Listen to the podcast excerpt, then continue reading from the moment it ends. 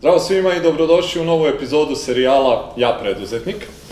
Danas smo kod naših prijatelja u InCenter Hubu sa jednim mladim gospodinom koji je za svoje godine zaista što se preduzetništva tiče učinio već dosta toga iako nije u preduzetništvu toliko dugo.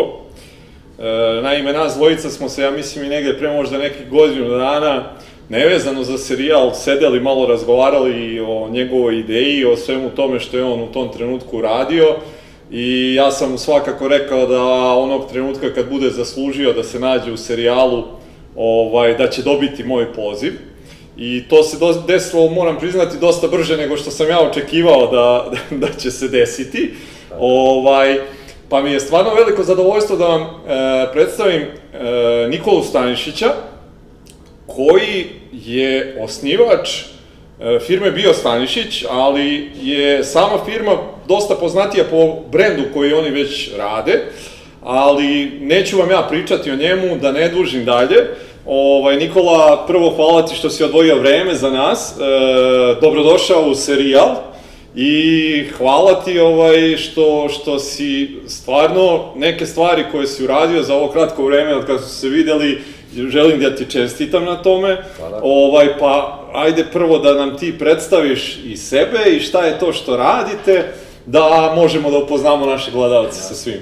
Hvala Đorđe na pozivu u emisiju, jako mi je drago što sam danas ovde iz razloga baš što si ispričao anegdotu da smo se sreli pre nepuni godinu dana gde sam te ja pitao kad ću ja da budem u emisiji, a ti si mi rekao polako Nikola, još si mlada firma, dok napraviš rezultati, ipak ovu emisiju su stvarno gostovali naši ozbiljni privrednici i ljudi sveta biznisa. Eto, posle nepuni godinu dana mi smo ovde, znači da smo nešto svašta dobro mm -hmm. uradili za tih. Pa ja sam Nikola Stanišić, osnivač sam i generalni direktor startup kompanije Stanišić Bio, koja pod robnom markom Šumska tajna distribuira i pravi proizvode od šumskih organskih pečuraka. Odlučili smo se na organske pečurke iz razloga analizom tržišta. Pre godinu i po dana kad smo ulazili na tržište sa novim proizvodom, uvideli smo da je jako malo takvih proizvoda, čak šta više da ih nema. -hmm. I to je bio razlog našeg brzog prodora na tržištu i nekih mnogo drugih stvari o kojima ću posle pričati, ali odabrali smo te pečurke koje su naše, domaćeg porekla srpske, Srbija sirovinska baza organskih pečuraka i pečurke koje mi stavljamo u naše proizvode ne mogu se uzgajati veštačkim uslovima, kao šitake i šampinjoni, rastu isključivo u prirodi u organskom okruženju. Pored neke te same palete e, proizvoda, mi se sad širimo u nekom drugom segmentu gde imamo otvoren horeka, horeka segment, mm -hmm. ali samo isključivo za inostranstvo i to je, znači imamo nekih otprilike 12 proizvoda sa tartufima, karpaća, e, tartufate, ulja sa tartufima, e, voćne namaze sa tartufima, jer smo, ovo je proizvod za retail, pored ovog našeg pakovanja 175 grama, mi smo sad pre možda nekih dva meseca lansirali pakovanje od 90 grama, mhm. -huh. jer smo uvideli da je, ovo nije proizvod koji jede cijela porodica i da je malo ovo negde veliko pakovanje mhm. -huh. i onda smo baš za taj retail i za segment trgovinskih lanaca ubacili manje pakovanje i prvi lanac u Srbiji koji će da, da ima to pakovanje je DM Markt, nemački, okay. nemački trgovinski lanac. Polako ulazimo u neke manje objekte, Pored svega toga izbacili smo liniju humusa, koju radimo isključivo pod robnom markom, ali opet, kažem, tu su sve negde proizvodi, e, šumska tajna i namazio šumskih pečuraka se nalazi na našem tržištu, a za taj segment izvoza u kojem smo dosta zastupljeni, evo sad već peta država za godinu i po dana u koju izvozimo, e, otvaramo te neki drugi segment tržišta iz razloga jer hoćemo da pokrijemo horeku i ostale neke, ostale neke segmente malo prodaje. E, takođe smo izbacili i e, sušene pečurke, koje su pakovanjima od 20 do 50 grama u zavisnosti, u zavisnosti od toga šta kupac u inostranstvu traži, bar zbog toga jer je Srbija prepoznata kao zemlja koja ima dosta pečuraka i to inostrani distributeri rado kupuju od nas. Mm -hmm. Tako da, eto, to, to, je, to, je, to je neki uvod u, u sam, sam brand. Što se tiče nekih kanala prodaje i gde mi smo trenutno zastupljeni u Srbiji oko 500 objekata i u pet izvoznih kanala, kao što sam rekao, izvozimo za Češku, Belgiju, e, Sloveniju, Crnu Goru i Ameriku. U Americi mm -hmm. poslujemo direktno sa Amazonom, što je naš negde najveći ponos. Mm -hmm. Znači, ne idemo preko distributera, idemo direktno u centralne magace najvećeg giganta online trgovine.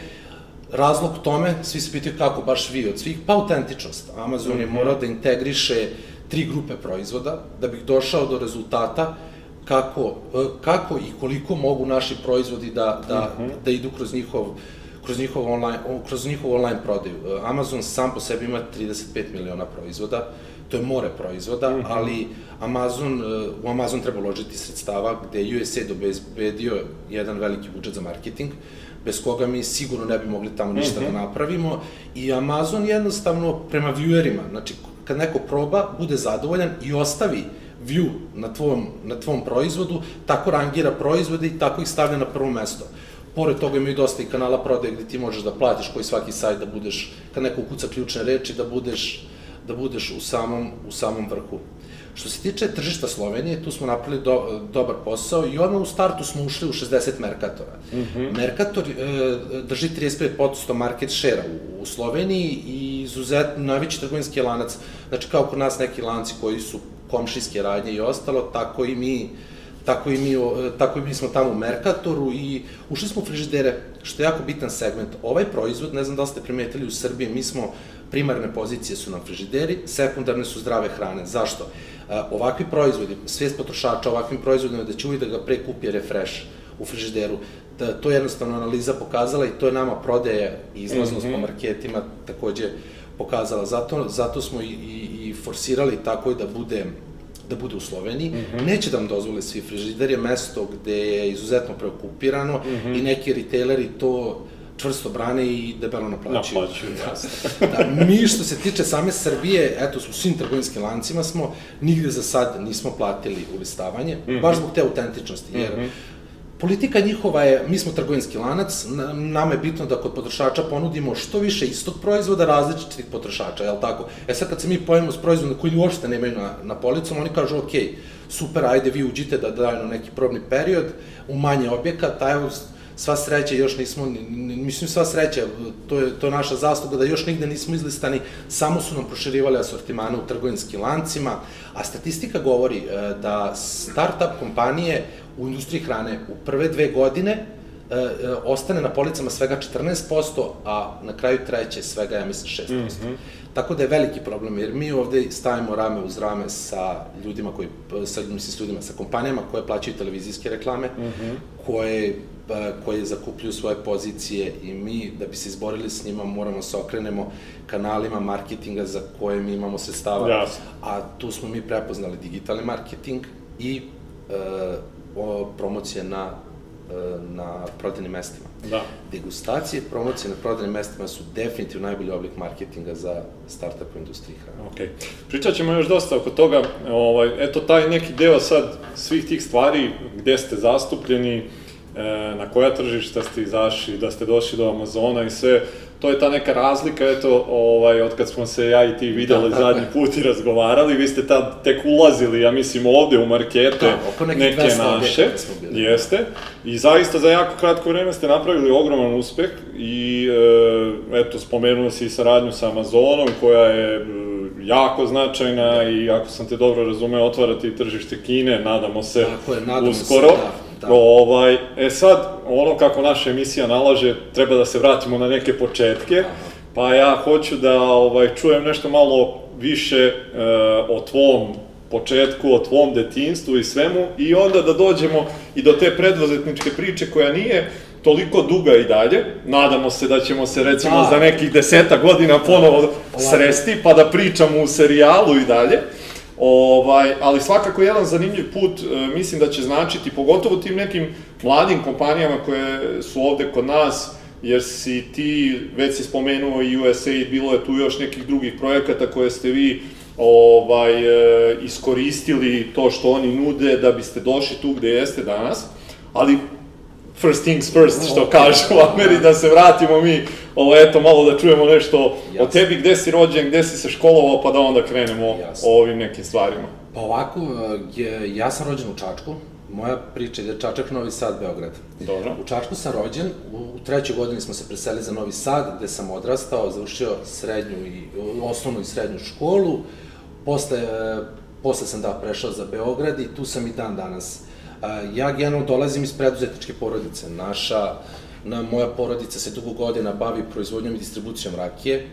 Tako da, da već koliko ja, 16 godina, porodica mi je bila veliki oslonac i podrška i dan danas je, jer bez e, podrške porodice, start-up u Srbiji, mi nemamo Sicilijansku dolinu da možemo da pičujemo i ostalo, to je kod nas dosta ograničen segment i dalje se start-upovi u Srbiji finansiraju iz, iz sobstvenih sredstava, tako da stvarno što se tiče toga, tu, tu mi je bila porodica. Taj neki preduzetnički duh sam pa sigurno uzeo od svog oca. Mm -hmm.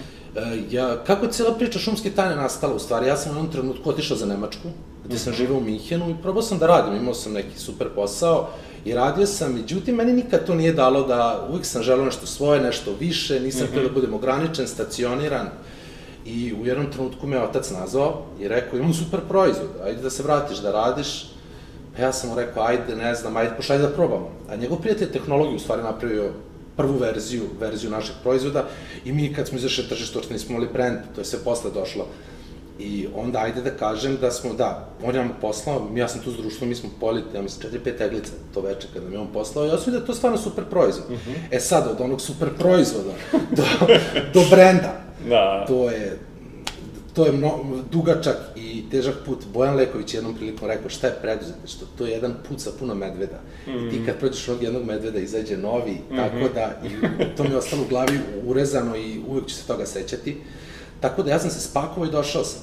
E, malo me otac, da ne kažem, tu i prevario, zato što je htio da se vratim, ali kad sam se vratio mi je rekao, pa ja ne mogu tebi sad da dam pare za opremu, ja ne znam da li će ovo da ide. Pa šta da radim? Pa ništa, kaže, sine, u Srbiji dalje najbolji pokazatelj da će nešto prođe pijaca. I ja sam tu uzeo i iznajmio tezgu na Belonijevoj pijaci. Prvo na Belonijevu, posle na Zenovincu.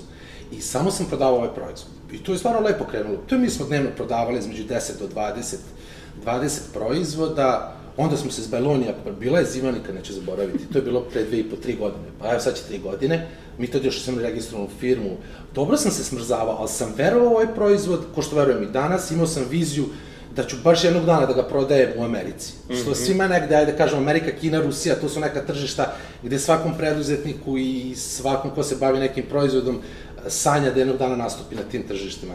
Ja sam tu lepo prodavao, ja sam u jednom trenutku rekao, je okej, okay, pa ovo ide, ja prodajem neki do 10 do 20 teglica, kaže, sad tebi treba da izvadim par dana zašto ti prodaješ 10 do 20 teglica, možeš smisliš novi model gde ti možeš mnogo više da prodaš, da vidimo da li će to da ide. Šta sam ja onda uradio? Ja sam zatvorio tu tezgu uh, i otišao sam na svaku beogradsku pijacu gde sam uh, na svakoj tezgi, svaka beogradska pijaca ima tezgu gde se prodaju pečurke, to mm -hmm. se mhm. slažete, znate, ako da. odlazite tamo, i svima sam dao robu na komisionu. Kako to funkcioniše? Dam robu, kad prodate, platite mi, poručite novu. Prvi mesec smo prodali oko 1500 teglica. Tako da mi smo tu videli da je to u stvari mhm. proizvod za, za, za ljude i da to ljudi kupuju, vraćaju se i da mi definitivno treba da uložimo pare u proizvodnju i post, da nastupimo na tržištu. Kad kažeš da treba da uložite pare u proizvodnju, kako ste u tom trenutku uh, pravili Radili proizvod? smo uslužno. Aha, radili smo dobro. uslužno. Radili smo uslužno, pa smo onda opet, i sad se opet vraćamo na uslužno, ali to je tema za dalje, tako Dobro. da više ćemo o tome kasnije pričati. Mm -hmm. I onda mi smo, mi smo tu oformili našu proizvodnju i e, analizom nekog tržišta smo uvideli da ako odmah krenemo u trgovinske lance, da nismo prepoznati na tržištu, da će biti po bar kodu, to kod, e, šta smo i onda uradili? Ajde ovako da krenemo, kao stara dobra, da kažem, fora. Idemo pokrijemo TT kanal Tu ćemo da pokrijemo i da za nekih pola godine do 8 meseci razvalimo sa promocijama, digitalnim marketingom, da nas potrošači prepoznaju. I onda da taj potrošač iz jedne zdrave hrane ode tamo u neki trgovinski lanac, kaže pa li imate ovo? Kako nemate? I upravo se to i desilo. Mi smo mm -hmm. posle 8, uh, posle 8 meseci poslovanja, ili 6, nisam siguran, uh, prvi nas je pozvao Mercator. Mm -hmm. Da, i rekao, ok, vi imate super proizvod, ljudi ga traže, I kategoriji menadžer koji me zvao ga je jeo i kupovao u radnji pored svoje zgrade, znači tim mm -hmm. malim radnjama, malim marketima. Mm -hmm. Uradili smo, sad ću vam reći, za period od šest meseci uradili smo, ja ne znam, negde oko 500 promocija. Radili smo tri promocije dnevno. Znači, mm -hmm. mi, e, promocije... Kad kažeš mi, ko je to? Mi, ja, moja majka, mm -hmm.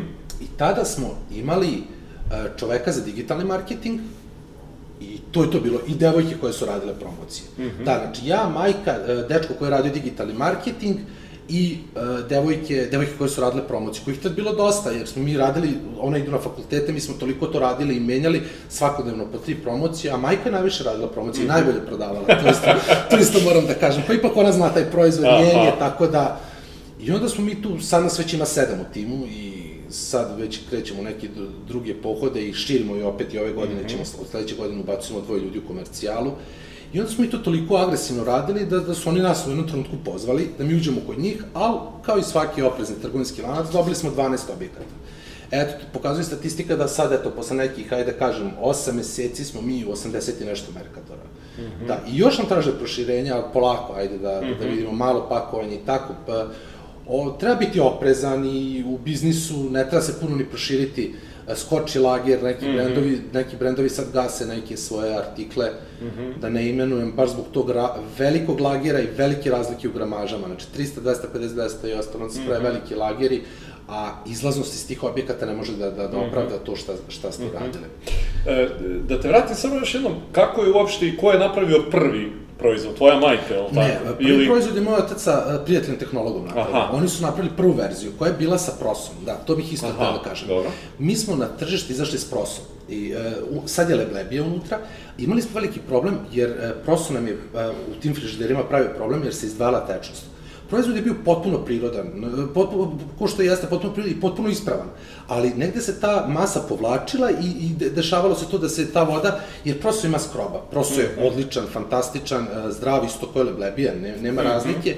I onda mi smo, e, sad skoro sam čuo jednu jako lepu, lepu stvar i toga se držim, ne treba biti zaljubljen u svoj proizvod. Treba biti mhm. zaljubljen u, pro, u probleme svog proizvoda. Mm -hmm. I ne treba, e, ja nekim ljudima pitam ih, što ne uradite redizajn? Oni se smrtno uvrede. Znači, Tako, mi nismo takvi, nismo jedna od onih e, konzervativnih firmi koji nećemo do kapitalizaciju, nećemo niko nam uđe u firmu, nećemo da menjamo dizajn, mi smo najbolji. Moramo slušamo tržište. Danas vreme brzo leti i jedno sve se kreće brzo. Ako ne slušate tržište, ne idete u stopu sa njim, postaćete samo jedna od kompanija koja je nešto probala i mm -hmm. gasila se vremenom. A reci mi, što se tiče tih tezgi, pa onda i tih promocija i svega toga. Čija je to ideja bila? Je to bila tvoja ideja moja ili to sa ocem i majkom zajedno? To je bila moja ideja. Moj otac mi je dao predlog pijace i tezgi, a ja sam uh, video, video tu negde kroz, kroz te promocije. Zašto? Jer čovjek može na billboardu da vidi neki proizvod. Naši proizvodi su premium, uh, visokoproteinski, niskokalorični, mm -hmm. skupi su proizvodi, skupa je sirovina koju mi stavljamo, potpuno su prirodni i nutritivno bogati. Proizvodi naše koštaju na polici. Da bi neko skinuo taj proizvod sa police, mi moramo njemu da damo da on njega proba. Mi nemamo pare da odemo na televizijsku reklamu i da tamo kad uveč u 8 sati svi gledaju televizor kući s porodicama, da mi tad njima pustimo reklamu. Nemamo. Ali možemo da platimo devojku 10 do 15 eura koja će stoji 6 sati i da ljudima maže da proba i da im objašnjava šta je to. Mm -hmm. Nama su se promocije počele da se isplaćuju. Mi smo toliko u jednom trenutku počeli da prodajemo na promocijama da su te promocije opravdavale. One su otplaćivale tu devojku i zarađivale su na nekim promocijama su nama zarađivale čak mm -hmm. od tih radnji koje su prodavale. To radnje vole. Ljudi vole da vide da se vi bavite vašim proizvodom. Jedna radnja, mala, velika, Mi odemo u jedan Merkator Rom Beogradu, prodamo za dva dana 100 tegli na promociju. Pa volite Merkator da stavi 30.000 dinara veći pazar, što da ne? I zato da. vas to puštaju, a vi time toliko dobijate. Ja sam radio, uh, dosta sa analizama bavim, analiza je u suštini sve. Šta smo radili prošle godine, šta ćemo da uradimo i šta je neko radio, da li mu je prošlo ili nije prošlo. Mi, ja sam, na primjer, pravio analize po objektima. Pratio sam, ima mediji izveštaje, koji mi dolaze svakog ponedeljka i pratio sam objekte gde radimo promocije. Ubacili smo, nije ništa rađeno. Nešto prodato, ljudi uzmu, probaju. Onda uradiš promociju, prodaš nekih 15 tegli. Uh, vodimo ankete na promocijama koje devojke popunjavaju. Pored tih 15 tegli koji si probalo još neki 40 ljudi. Od tih 40 ljudi, ajde da kažem nekih 60% kaže da je ovo super proizvod da bi ga kupio, od tih 60% kupilo je tih nekih 20, 40% nije imalo par u tom trenutku. U toku sledeće, posle promocije, u toku nedelje, dolaze ti ljudi koji nisu imali pare, ajde da kažemo da neki 30 do 40% njih se vrati, koji nisu imali pare kupe. Onda vi sledeći vikend opet radite promociju. Onda opet dobijate nove, vraćate stare. I odradiš u jednom objektu za mesec dana 3 do 4 promocije i pustiš. I onda vidiš taj efekat mm -hmm. koji u sledećem mesecu ljudi se vraćaju, oni što su prvi put kupili su potrošili, pa dolaze opet i to se polako vrti. Mm -hmm. I onda kad to krene da pada, opet uradiš. Mm -hmm. I mhm. tako moraš da radiš dok postojiš. Mm -hmm. uh, Plazma, Bambi, uh, Dr. Edker, svi veliki brendovi imaju po dva štanda vikendima u velikim trgovinskim lancima. Što smo mi pametniji i što mi da ne radimo to. Mm -hmm. A primećujem kod uh, startapa da se ne bave tim segmentom. Mhm. Promocijama se ne ali ja im konstantno pričam. Sa svim sa kojima sednem, dosta njih sad pita kako, kako ste tako brzo, kako vam izlazi roba. Izlaznost je najbitnija. Mi možemo danas, je jako lako ako imamo pare sa listama. Dođemo, platimo na polici smo, ali šta onda kad kaže, ej, izlistamo, Da. isteču, ističu rokovi, imamo problem, moramo da bacamo robu. Jako je bitan taj izlaz, a proizvod kao proizvod sam nikad neće skočiti u korpu potrošača. Dok ga mi ne dovedemo do tog segmenta da ga on pokupi. A mnogi trgovinski lanci u Srbiji plaćaju i dalje komisiju. D- d- Vaš je proizvod dok ga onaj ne skine. E, kad ga on skine, onda ćemo da vam platimo. Tako da, bavite se proizvodom. Bavite se proizvodom i gledajte šta to veliki rade. Odakle je ta analitičnost? Je li tebi to nešto urođeno ili... Pa moj otac uh, je uvek vodio te analize. Vodio, ali uvek ima, i dan danas ima pre 12 godina koliko je prodao prvog meseca. Ali samo mi to danas radimo u Excelu i Wordu, a moj otac to radi, radi u rokovniku. Dobro. Tako da, i uvek me pita, ja, pa šta ćeš ti ako ti se pokvari taj kompjuter? Tata, ima danas Google Drive, ima, skoro smo nešto plaćali, ja plaćam i bankingom, a oni su i dalje nose ove, Aha, nose naloge. naloge. Kaže mi kao, znam sad se pokvari taj kompjuter kao, i šta, šta ćeš ti onda, plaćanja ti se izgube. Rekao, tata, šta ti misliš kad odeš tamo u banku, oni goluba pismonošu za nogu i pu, puste ga u centralu tamo. Tako da, ali dobro, mislim, to je ta konzervativnost kod ljudi, imaju oni svoje prednosti i vide oni dalje dosta stvari. Ne mogu oni toliko da idu u skladu sa tržištem, da znaju šta treba da se radi, ali su znali nekad kako je to radilo zato su uspešni danas, ali, ali ima dosta tih dosta tih stvari koje, ako, ono što kažem, ako se tržište ne prati, ako stalno nisi na internetu, na, na, na, na tim nekim... Danas nam je vreme pokazalo da možemo da sedimo na Tajlandu i da prodajemo u Holandiji. Mm -hmm. I tamo da imamo neki lager. I dropshipping je isto pokazatelj Naravno. svega toga koja je moć interneta danas. Mislim, mm -hmm. ljudi su konstantno na telefonima i mi, e, koliko velike korporacije vladaju njima, toliko mi koji se bavimo digitalnim marketingom isto vladamo njima. Znamo njihovo geografsko poreklo, znamo njihov pol, njihovo interesovanje. Sve su to stvari gde mi znamo i možemo jako usko da marketinški gađamo našu ciljnu grupu. Veliki brendovi puste televizijsku reklamu i puste meni koji možda ja nisam za taj proizvod. Naravno. Mi danas znamo ko voli pečurke, znamo ko voli premium segment i ko živi u krugu dvojke, da njemu pustimo, jer je on definitivno potrošač za crni tartuf. Tako da... Reci mi ovaj, u tim nekim počecima, ovaj, jeste pravili neki biznis plan ili tako nešto? Pa mi smo, e, šta bih htio isto da kažem, mi posle tri meseca postojanja firme smo bili na sajmu u Njujorku. Znači, to je kroz USAID projekat gde smo mi, generalno, odmah čim smo napravili firmu, mi smo ušli u njihove hubove. Kako ste došli do uh, saradnje sa USAID?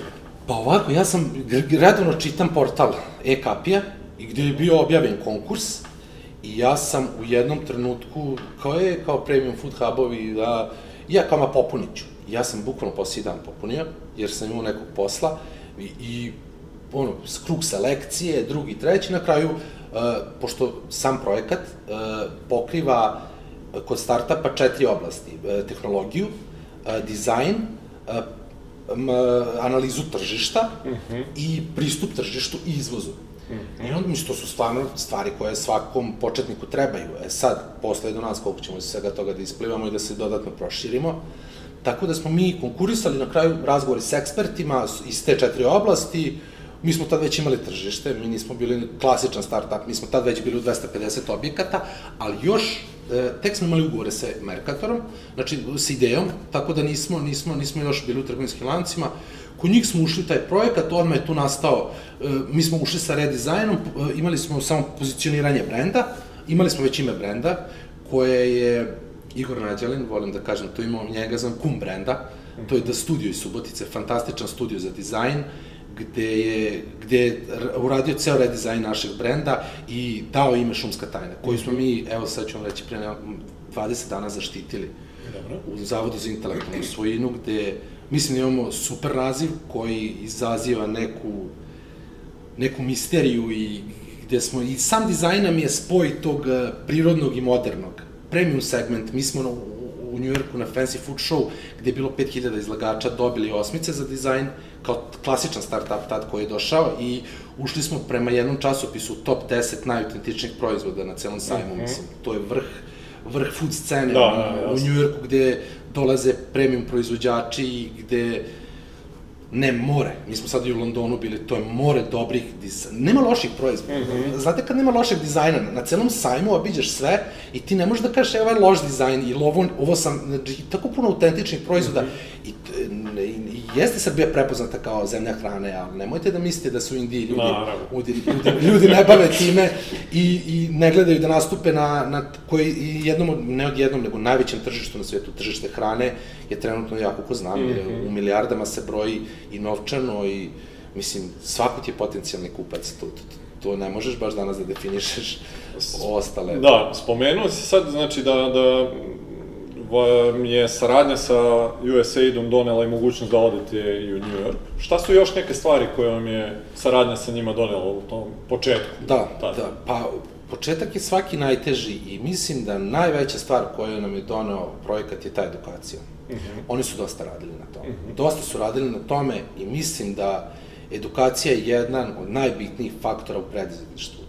Jednom, jedan naših najvećih privrednika, Miroslav Mišković, je jednom rekao, uh, uh, uvertira za preduzetništvo je korporativni biznis i to uopšte ne treba zanemariti, jer ti u korporativnom biznisu učiš kako stoje stvari, kako se postavljaju i kako funkcioniše veliki sistem. Ti posle kad dođeš u preduzetništvo, treba ti dva meseca dođeš sebi, pošto, pošto se ti taj top management i middle management i vlasnik i komercijalista i magacioner, ali dobro je znati kako to funkcioniše. Mm -hmm. E, to je ono što je USAID radio. Ok, vi ste na početku, evo vam, kako se piše biznis plan, kako se nastupa pred investitorima. Sad je, ne znam koliko ste upoznati, prvi pitch u food sceni je bio sad na Belgrade Food Show u Srbiji kada koji je, o tome možemo posle da pričamo. Da, da, da, To je super, su, super tema, mislim, sve što je prvi put se negde nešto dešava, ja mislim da je to odlično. Tako da, oni su nam kroz te razne edukacije, kako se piše biznis plan, kako se rade evaluacije, šta to sledeće, kako, I mi smo jednostavno s njima rasli. Ja mogu slobodno da kažem uz projekat konkurentne privrede da smo mi rasli. Oni su nas takođe isto pomno pratili uh mhm. -huh. i pomagali nam u celokupnom našem razvoju. Naravno, svaki projekat mora da opravda gde ulaže novac i oni kroz nas mogu da kažu ej, oni prave nešto i oni su tu uz mhm. nas, što ja to izuzetno cenim i pokušavam maksimalno da opravdam tu njihovu, tu njihovu sklonost ka nama i što nas guraju kroz raznorazne sajmove i ostalo i gledamo da budemo iz dana u dana što bolji da bi oni opravdali to što nas podržavaju. Jasno. Pa do, ali svakako vi ste e, opravdali već uveliko to, to njihovo da. poverenje. Mislim da USA stvarno radi fenomenalnu stvar e, Slažem se, sa, da. sa svim tim i stvarno imam i zadovoljstvo da poznajem tamo te ljude i koliko su oni e, predani što se svega toga tiče, stvarno gledaju na, na te projekte kao da su njihovi lični Jasne. i stvarno im ovaj, skidam kapu za to. E sad, ovaj, e, šta je bila recimo neka e, ok, poseta New Yorku je svakako velika stvar i kad si na, na, na tom e, sajmu tamo, ovaj, ali šta je možda neka prva velika stvar koju si onako doživeo kao neki big, onako veliki wow? Da, da, to je svakako pitanje koje, pa to je definitivno bio prvi izvoz za Češku. Mm -hmm. Prvi izvoz za Češku i trenutak kad me distributer pozvao i rekao da smo prošli carinu u Europsku uniju. To je bilo posle sedam meseci našeg poslovanja. To je bilo za mene onako, mislim, posle 7 meseci nastupamo na češkom tržištu gde je Evropska unija prihvatila proizvode, uradila analize i rekla ok, idemo u promet. Mm -hmm. I to je svakako bio, bio naš ono najveći uspeh. Posle su brzo krenuli da se ređaju ostali izvozi. Ne kažem da mi je neki ma, manje bitan s... Dobro, jasno, ali je prvi, prvi put kad nešto uradiš. Nešto uradiš, da. to je definitivno... A kako je došlo uopšte do toga da nađete distributera tamo? Pa distributer je našao nas. Aha, mi imamo baš kako? neku... Kako, sad ću da mi ispričam. Distributer je našao nas, ali mi imamo neku sreću, da li je to sreća ili kako da nazovem, da ljudi nas nalaze, trgovinski lanci, u svaki trgovinski lanac u Srbiju koji smo ušli je našao nas, a ne mi njih. Eto, okay. to možda negde zvuči prepotentno, ali to je stvarno tako i ja sam maksimalno iskren. E, naši distributeri u Češkoj su, naši proizvodi su veganski, kao što, mm -hmm. znate, što bi naši rekli posni. Mi jedno i drugo ovde moramo da guramo zato što ne podrazumeva se da, da su jedno e, znači drugo, ali oni su nas, znači, to je grupa mladih ljudi vegana u, u Češkoj, u Pragu, koja je otvarala svoju distribuciju. -hmm. Oni su fantastični, oni guraju, uh, radi se još par proizvođača u Srbiji i oni guraju svoje proizvode kroz uh, male radnje, mm -hmm. zdrave hrane, male markete I kroz online prodaju, online prodaje, to, to isto eto što smo mi danas krenuli, što smo jutro pričali kad smo se čuli, o, o čemu ću na, naknadno da pričam, mislim da je jako bitna tema u daljem razvoju svih, svih start-upova, ne samo nas, Tako da i oni su to, onako, više rade s ljubavlju. Ja ne mogu da kažem da šaljem tri palete mesečno, ne šaljem, slagao bih kad bih rekao, i nemam ugovor na 100.000 eura mesečno, ali volim da radim s njima i oni to s ljubavlju rade i moramo i takve distributere da imamo. Ne možemo sve glomazno, nismo ni mi giganti. Naravno. Tako da, mislim da mi je to definitivno, ta češka mi je bilo nešto, nešto što mi je ostalo urezano, urezano i, i moja najveća radost. E sad, e, rekao si da, da su vas i oni naši, da su vas naši, ovaj, naši marketi ovde uopšte. E, po meni, opet, pretpostavljam da to ima dosta veze sa tim e, što ste vi uspeli na neki način da iskoristite i moć društvenih mreža i da izgradite neki prepoznatljiv brend koristeći iste. Pa me sad zanima kako je e, rađen ceo taj digitalni marketing, da ga nazovemo, rekao si znači da nemate da. vi sad novca da ono u prime time-u emitujete reklamu da. ili nešto, I to je ono što je dobro sada, ranije e, preduzetnici nisu imali tu mogućnost da. kao što sad ovaj, e, kompanije imaju.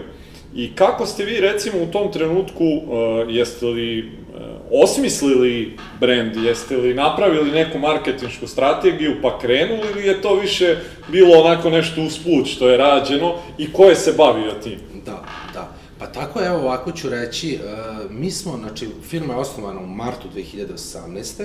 Da, to je osnovana u martu. Mi smo s mrežama krenuli u avgustu 2018. godine. Uh, jako detaljno smo ušli u to. Znači nismo tek tako krenuli mm -hmm. i nešto tamo kačili mm -hmm. i mhm. sve super. Uh, time se bavi Aleksandar Vujčić, to je dečko koji ima četiri godine, isto je mlad, evo ja sam 92. on isto moje godište. Mi smo se upoznali, upoznali u, isto preko Facebooka i tako smo, krenuo radi drugi, mnoge druge velike brendove i radi male neke brendove i on je tu mene pozvao i hajde da sednemo da napravimo neku saradnju. Mi kad smo seli, ja nisam toliko imao tad uvid, znao sam da je to potrebno, ali mhm. nisam toliko ozbiljno pristupio tome kao što danas. Danas u našoj firmi to rade tri čoveka. Znači, mhm. in-house tri čoveka rade taj digitalni marketing kod nas danas. Ja sam rekao, ok, ajde, to će me košta nešto par, ajde, probamo, mislim, to moramo. Međutim, kad je on izašao sa svojim, svojim biznis planom i biznis planom, ajde da kažem, marketing planom, mm -hmm. šta mi to treba da uradimo, gde ćemo mi da uradimo i da je to neki period šest meseci, koliko ćemo para da uložimo, ja sam vidio da je to jedna složena i ozbiljna stvar. I u tom trenutku sam negde ja krenuo da se edukujem u svemu tome. On fantastično radi svoj posao i, i dan danas ga radi, tako da e, jeste razlog toga što su nas ljudi nalazili, to, to je svako digitalni marketing. Mm -hmm. Mi razne kampanje radimo i gledamo da imamo što bolji sadržaj, da to nije samo, e, mi imamo ovo kupio, ovo kupio. Mm -hmm. To je najmanje bitno, to kupio, ovo kupio. Ljudi žele vrednost, e, potrošači mm -hmm. hoće da im se da vrednost. Tu ćete vidjeti kod svih e, stručnjaka u marketingu, e, kod email, e, skupljanja email kontakata i ostalo, dajte im vrednost i na kraju tražite ono što vama -hmm. treba ili ponudite. Što bi rekli neki, ako prodaješ korpus sa voćem, objasni kako se taj sok pravi, pa reci, ako želite imamo i mi tu korpus sa mhm. voćem. Tako da mi tako isto to radimo, redovno se edukujemo o tome, jer to se menja iz dana u dan, digitalni marketing je nešto što, što traži Mi smo sad, eto, ajde, da, da, kad smo se dotakli digitalnog marketinga, mnogo proširili taj tim. Svako, sad imamo i IT sektor u, u firmi, imamo sajt, Sajt smo ranije imali, ali smo imali neki, sad imamo sajt sa ozbiljnom pozadinom i sa, eto, sad već mogu kažem, u decembru će biti preko 30 proizvoda koji su pod našom robnom markom. E, namazi, humusi, čajevi, e, voćni namazi od organskog voća, e, paradajz od celera, proizvodi od leblebije, testenine, to su sve proizvodi koji su organskog porekla, neprskanih sirovina, ono što se uklapa u naš brend mm -hmm. i svi su pod brendom Šumska tajna. Izvini što ti preklinjam, kako je došlo do toga da rešite da diversifikujete da, da, portfolio dalje? Da, pa ovako, mi smo radili neku generalno, ana, stalno radimo neke analize, da li to bilo na nekom ozbiljnom nivou gde se ceo tim skupi pa radimo, ili ja kući sedim, pošto inače ne gledam televizor, obično sam ili na laptopu ili, na, ili nešto pišem, tako da sam, shvatili smo, jutro kad smo se čuli, pričao sam o tome, veliki trgovinski lanci ulaze u robne marke Znači, imamo neke banere koji su komšijski, baneri velikih trgovinskih lanaca u Srbiji, gde je učešće robne marke na njihovim policama od 30 do 40%. U istim tim trgovinskim lancima u većim banerima učešće robne marke je 10%, jer su oni tamo van grada, ljudi dolaze vikendom, imaju više mesta da ih stave. Šta to govori? To govori da oni polako sužavaju brendove i ulaze u svoje robne marke. Iz kog razloga? Jer oni na robnim markama maržiraju od 60 do 70%, a na brendovima od 20, 25 do mm -hmm. najviše 30. Tako da, moj tim i ja smatramo da će u periodu kroz 10 godina to sve da se okrene, da će tamo gde je mali baner, da će da bude učešće robne marke 80%, a gde su veliki, da će biti između tih nekih 30 do 50%. Na policama će se naći private label, robne marke velikih trgovinskih lanaca i A brendovi, Cola, Pepsi, Head and Shoulders i oni ostali koji bombarduju ovo stanovništvo i koji koji se kupuju. Mm -hmm. Tako da mi smatramo da je budućnost e, prehrambene industrije, malih firmi, srednjih preduzeća u online prodaji i organskoj hrani, u hrani koje ljudi su dosta danas zauzeti, sve se brzo dešava, nemaju vremena. E, država Srbije sad pokrenula sa Cvijanovićem reklamu gde on sa decom juri po supermarketu, kući sedne, otvori telefon, poruči, stigne mu sutradan. Tako da treba slušati tržište, treba ga pratiti, mi sad polako ulazimo, ulazimo u taj segment. Treba će nam dosta truda i rada da bi mi od toga stvorili jedan brend gde će mm -hmm. čovek tamo kući da kaže, ej, ja hoću kupiti neke zdrave i super proizvode, ali neću da idem u trgovinski lanac da se guram, nego ću da odem na sajt www.šumskatajna.rs i da kod njih poručim, jer oni to mhm. imaju, a stiže mi sutra mm -hmm. ili za dva dana. Tako da, mislim da je to budućnost i mi se sad širimo u tom mhm. segmentu organske i neprskane hrane, stalno nudimo potrošačima neke, neke nove nove proizvode, akcije, okrećemo to, šta bih volio da kažem, mi smo praktično i dalje tu zadržali taj segment naše proizvodnje namaza šumskih pečuraka i humusa. Imamo dve vrste humusa, pikant i natur, koji distribuiramo u inostranstvu, e, i ubacili smo ga na online platformu. Uh mhm. -huh. Online platforma sama po sebi, imaš magazin i kurirsku službu, nema obilaska, stajanja, slaganja etiketa, slaganja na policama i tako da mnogo jednostavnije, ali imaš onaj deo gde moraš da budeš stručnjak koga da pogodiš s reklamom da bi, ja. da bi suštini prodao. Mislim da je to sad ono što si rekao jako važna lekcija, pogotovo za ove mlađe, ali ima i nekih ovaj, i iskusnijih e, i kompanija koje još uvek nisu svesne toga koliko je i uvek i bilo, ali tek u nekom narednom periodu koliko će važan brend kao takav biti i jedino što će ono, pogotovo u tom nekom segmentu gde si rekao da, da retaileri uglavnom sve više idu ka tome da prave svoje ovaj brendove jer imaju veće marže tu, tako, tako da e, jako važna lekcija i za mlađe i za starije neke koje možda Naravno. toga nisu svesni da, da imaju taj blizak kontakt sa, sa krajnjim potrošačem, jer ako imaju nekoga između njih, taj da. koji između njih ima prednost. Tako je. Tako da je to jako važno i drago mi je što si to rekao. E sad, zanima me, rekao si da, da te neke analize i sve to radite nekad ti sam, nekad zajedno. Zanima me što se tiče e, tvog tima kako je se širio, spomenuo si Andriju koji je krenuo sa tobom, eto, našao te na, na Facebooku, pa ste krenuli. Aleksandar. Kak, Aleksandar, pa, da, da. pardon. Ovaj, kako je došlo za ostale članove tima da se priključe tome i ako si ti birao njih, šta je to na šta si obraćao pažnju u tom trenutku? E, to je dobro pitanje. Jako je, jako je to, e, negde da kažem, zahtevno da za jednog direktora odabere svoj dobar tim pogotovo kad si na početku, gde vi svi dajete 120%.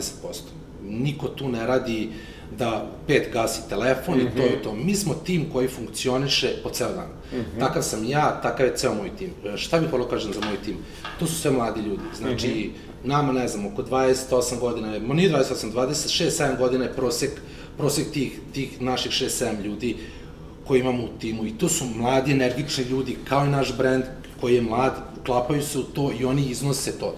Iznose na jako jedan dobar način i na jedan jako produktivan način, što je najbitnije kad se okrenemo, okrenemo strani biznisa i ciframa. Mm -hmm. Potreba za njima se dogodila tako što smo mi, pa e, evo je da kažem Ana Jović, diplomirani nutricionista, ima, e, ona je kod nas došla tako što, što smo ju upoznali preko promocija, Ja ne radila kod nas promocije kao nutricionista, neko ko je kompetentan da priča o ovakvim stvarima, o sastavu i šta je dobro za potrošača.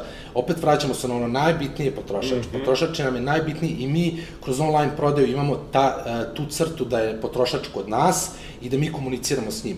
I evo sad smo baš oformili sekciju koja će u decembru krenuti Pitajte Anu Jović, gde će naši potrošači na, sajtu i na društvenim mrežama. Moći dva puta mesečno da pitaju sve što ih zanima vezano za naše proizvode, znači ne samo za namaze, nego i za nove proizvode koje smo uveli i generalno za zdravlje, e, e, generalno za temu povezanosti zdravlja i ishrane. Ana ima svoju takođe mail adresu na koju potrošači mogu da im pišu i dobije odgovor u roku 24 sata, što je jedna jako segmenta žurnosti, što mislim da je jako bitno. Mm -hmm. Potrošač ne voli da čeka, to, to jako dobro znamo i potrošač je uvijek u pravu. Mm -hmm. Znači, to su dve stvari koje moramo da znamo kada, kada ulazimo u bilo koji biznis, ne samo, ne samo u, u posao u industriji hrane. Ana, eto, Ana je tako došla i ona se zadržala tu, tu kod nas. Imamo Andriju Smiljanića, koji je IT stručnjak, ostalo su, ja mislim, Andriji još dva ispita Andrija često kamo kako koji ostalo ispitao, ono, ko sam na glavi mu se digne, zato što je toliko stručan i toliko je prerastao svoj fakultet, ali mora da ga završi. Da, ja. Jednostavno, on drži materiju rukama i radi za velike brendove, ajde sad da ne nabrajam redom, radi, radi stvarno sajtove i radi uh, radi društvene mreže, se, SEO i ostale, ostale neke stvari. Andrej je između ostalog i partner u online prodaji. Mm -hmm. Njegova firma Varius Soft e, ima ugovore s nama gde, gde partnerski ulazimo u taj biznis. Ja mislim da, da, da, da, da si imao priliku da upoznaš. Je bio, kad smo razgovarali, kad smo bio razgovarali ja, u, imali sastanak, tako je.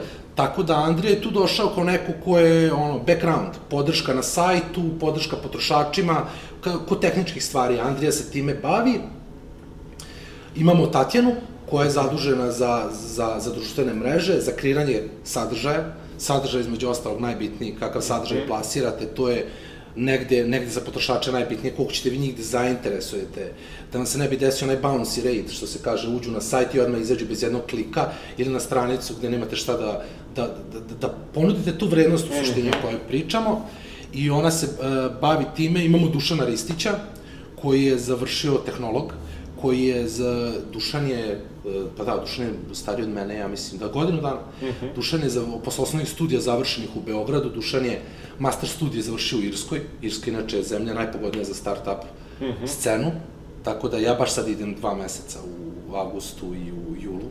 Idem tamo u jednu firmu preko Rasmusa, privredne komore Dušan je tu kod nas i eto, to, to, to je negde naš tim. E sad imamo, pored toga, naravno, što ne bih volao zaboravim naše devojke za promocije, kojih ima sigurno jedno pet, mm -hmm. koje su nam redovne, koje svakodnevno radi, mm -hmm. rade, jer mi smo se okrenuli totalno tom kanalu e, prode marketingu, jer smo videli, videli da je to nešto isplativo i da je to nešto super i da mi time pravimo prodaju, dobijamo nove kupce i na kraju meseca kad podvučemo jedan kupac, ono, koliko, cost per acquisition, koliko nas košta jedan, mm -hmm. jedan kupac, košta nas u vrednosti jedne teglice.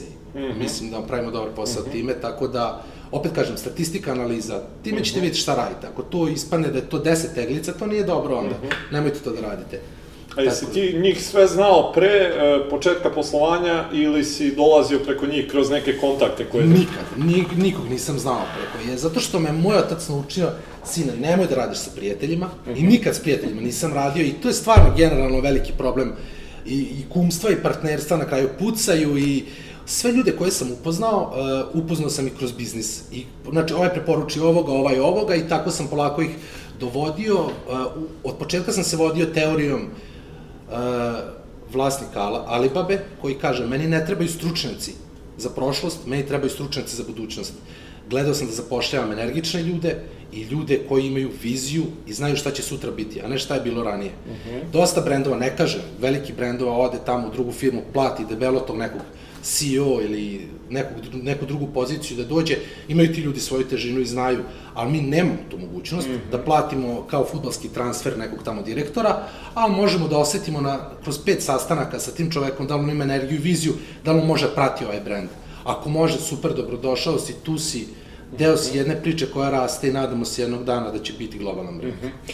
Spomenuo si sad i tvoj odlazak u, u Irsku preko Erasmusa, pa me zanima da kažeš E, šta je to i što ste, i na koji način, što možda može da bude zanimljivo nekim mladim firmama, da znaju koje su to, eto, naveli smo i USAID, da spomenemo Prirodnu komoru Srbije, e, imali ste još saradnju i sa nekim EU fondovima, jel tako? tako pa ako možeš samo da prođeš kroz neke od njih i da možda daš savet nekim ljudima koji nas slušaju, koji su možda u nekoj poziciji u kojoj ste vi bili, da. šta je to, kako bi oni mogli da se, recimo, prijave za, za neke takve programe?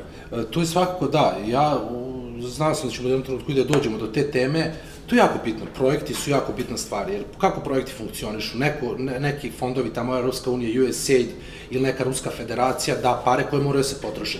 Te pare moraju da se potroše, će biti tamo vraćene što ako su dali na teritoriji Srbije, što ne bi mi to iskoristili. Mi smo se mhm. time vodili i sad ću ja prođem kroz neke projekte koje smo mi, ajde da krenemo prvo od privredne komore, mhm. to je Erasmus, razmena.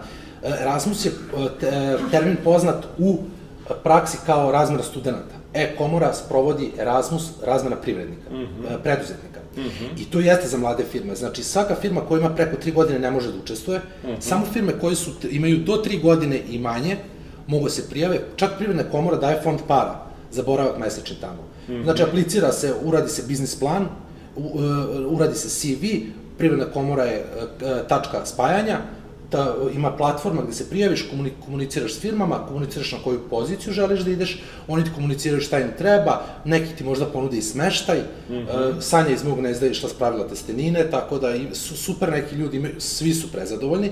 I ja sam negde osetio da želim, pošto ja u mojoj firmi se bavim isključivo prodajom i ja sam taj čovjek na terenu, hoću da odem u neki start-up, najviše volo start-up jer nekako, ok su velike firme, to može dosta se nauči, ali nema, energije, nema velika firma energiju koju ima mali broj ljudi koji radi više nego što bi trebao. Tako da, planiram u Irsku da odem da vidim kako to tamo funkcioniše, provešću dva meseca, sad skoro sam aplicirao, pa polako sam u prepisci sa firmama, Tako da, e, šta znam, super je, e, ja bih preporučio svima, dobit ćete znanje, mhm. tamo nove, nove kontakte, a pre svega toga dva meseca krenite s kontaktiranjem distributera i firmi tamo da kad odete možete da prodate i svoj proizvod, proizvod mhm. njima, tako da e, nemojte čekate, ne puštajte ništa slučaju. Ja kad sam na svakom sajmonu kom sam bio gledam ljude, stanu za svoj štand i čekam neko da im dođe. Stojim ja za svojim štandom, ali isto tako obiđem sve distributere, ponudim, podam, pokažem.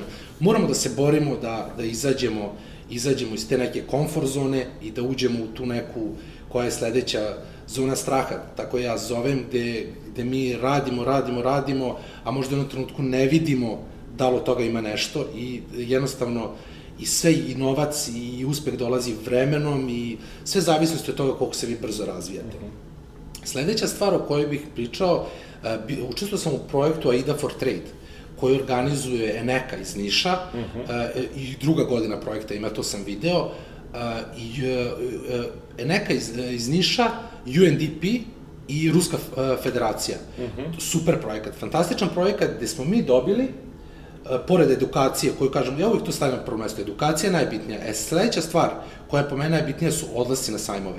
Jer vi kad izađete na sajm jedan veliki i odete na B2B sastanke u Moskvu, ko što smo mi išli preko tog projekta, vi izlazite sa autentičnim proizvodom, vi pričate s distributerima kojima je u cilju da nađu nešto što nema na njihovom tržištu. Ako vi izađete s nečem što vi pravite izvoz, mi gde god smo otišli, bili, mi smo na kraju završili tamo, završili tamo posao. Tako da, e, u sklopu tog projekta smo imali edukacije, i između ostalog imali smo edukaciju zaštite intelektualne svojine, gde sam ja upoznao ljude posle kojih, preko kojih sam posle zaštitio mm -hmm. brand Šumska right. tajna, i bili smo u Splitu na sajmu, i bili smo uh, na B2B sastancima u Moskvi. To je bio isto jedan fantastičan, fantastičan projekat. E sad, uh, pored, pored toga, učestvovali smo u projektu koji organizuje Kanadska ambasada i KNC, poslovni biznis klub, uh, Lider projekt se zove, mm -hmm. gde su nam doveli ljude iz Kanade, sa MBA-a, držali su nam e, predavanje dve nedelje od početka do kraja, znači svaki segment jedne kompanije. To je, taj projekat definitivno gde smo mi naučili neke stvari koje nismo znali, sve kroz praktičan rad, kroz interakciju sa, sa predavačima, fantasija, isto, sjajan isto projekat gde možete dosta da naučite o svemu tome kroz koju smo mi prošli i dalje imamo saradnju sa, sa KNC-em i idemo na sve njihove događaje. Upoznate, meni su svi ti nekako, kontakti su najbitniji. Mm -hmm. I mhm. vas sam upoznao kroz, ne, kroz neki, neki, da kažem, projekat. Tako da, mislim da čovek mora da bude prisutan i da bude tamo gde se dešavaju stvari da bi progurao svoj proizvod i, i, i ceo svoj brend i priču, jer ti jednom kažeš daš teglicu, drugom daš teglicu, i tako, tako širiš negde svest o, o, svom brendu. Tu je nešto od, od, od tim projektima, da, a, takođe smo učestvovali u Evropskoj, uh, spomenuli ste malo pre, u projektu Evropske unije, gde EU za tebe se zove, uh -huh. zove, zove projekat. E, e, mi Happy Honey smo zatvarali na konferenciji za štampu e, poljoprivredni sajam 2019. godine, gde smo pričali o našim uspesima, predstavljeni su na rezultati koje smo mi uradili, tako da i to je jedan projekat koji nas je približio EU for Tech je, da kažemo, nastavak tog njihovog projekta gde mi pičemo pred, pred investitorima, ajde kažemo s neke strane malo više taj sam za IT scenu. Food industrija, IT je generalno, da kažemo, danas dosta popularan, brzo se dolazi do rešenja, brzo se prave neke stvari, imaju oni svoje probleme. Znam mnogo IT-evaca koji su velike investicije povukli, mm -hmm. a i dalje nemaju svoje rešenje. Mislim, to je normalno, to je preduzetništvo i to je biznis, mm -hmm. da ćemo mi uvijek da se borimo, ali lakše nego industriji hrane. Za industriju hrane treba vremena i vremena mm -hmm. i vremena. Eh, ja kad sam kretao, upoznao sam Vasa Lekića, koji je stvorio Bakinu tajnu, kaže me, i skoro ga sad sretnem i pita me si, pita me si izašao na američko tržište, ja rekao, jesam, za sve treba vremena. Tako mm -hmm. da, za sve treba. Vaso je gradio Bakinu tajnu 20 godina dok nije došao jedan Atlantik, rekao, da, da. koliko to košta. Da.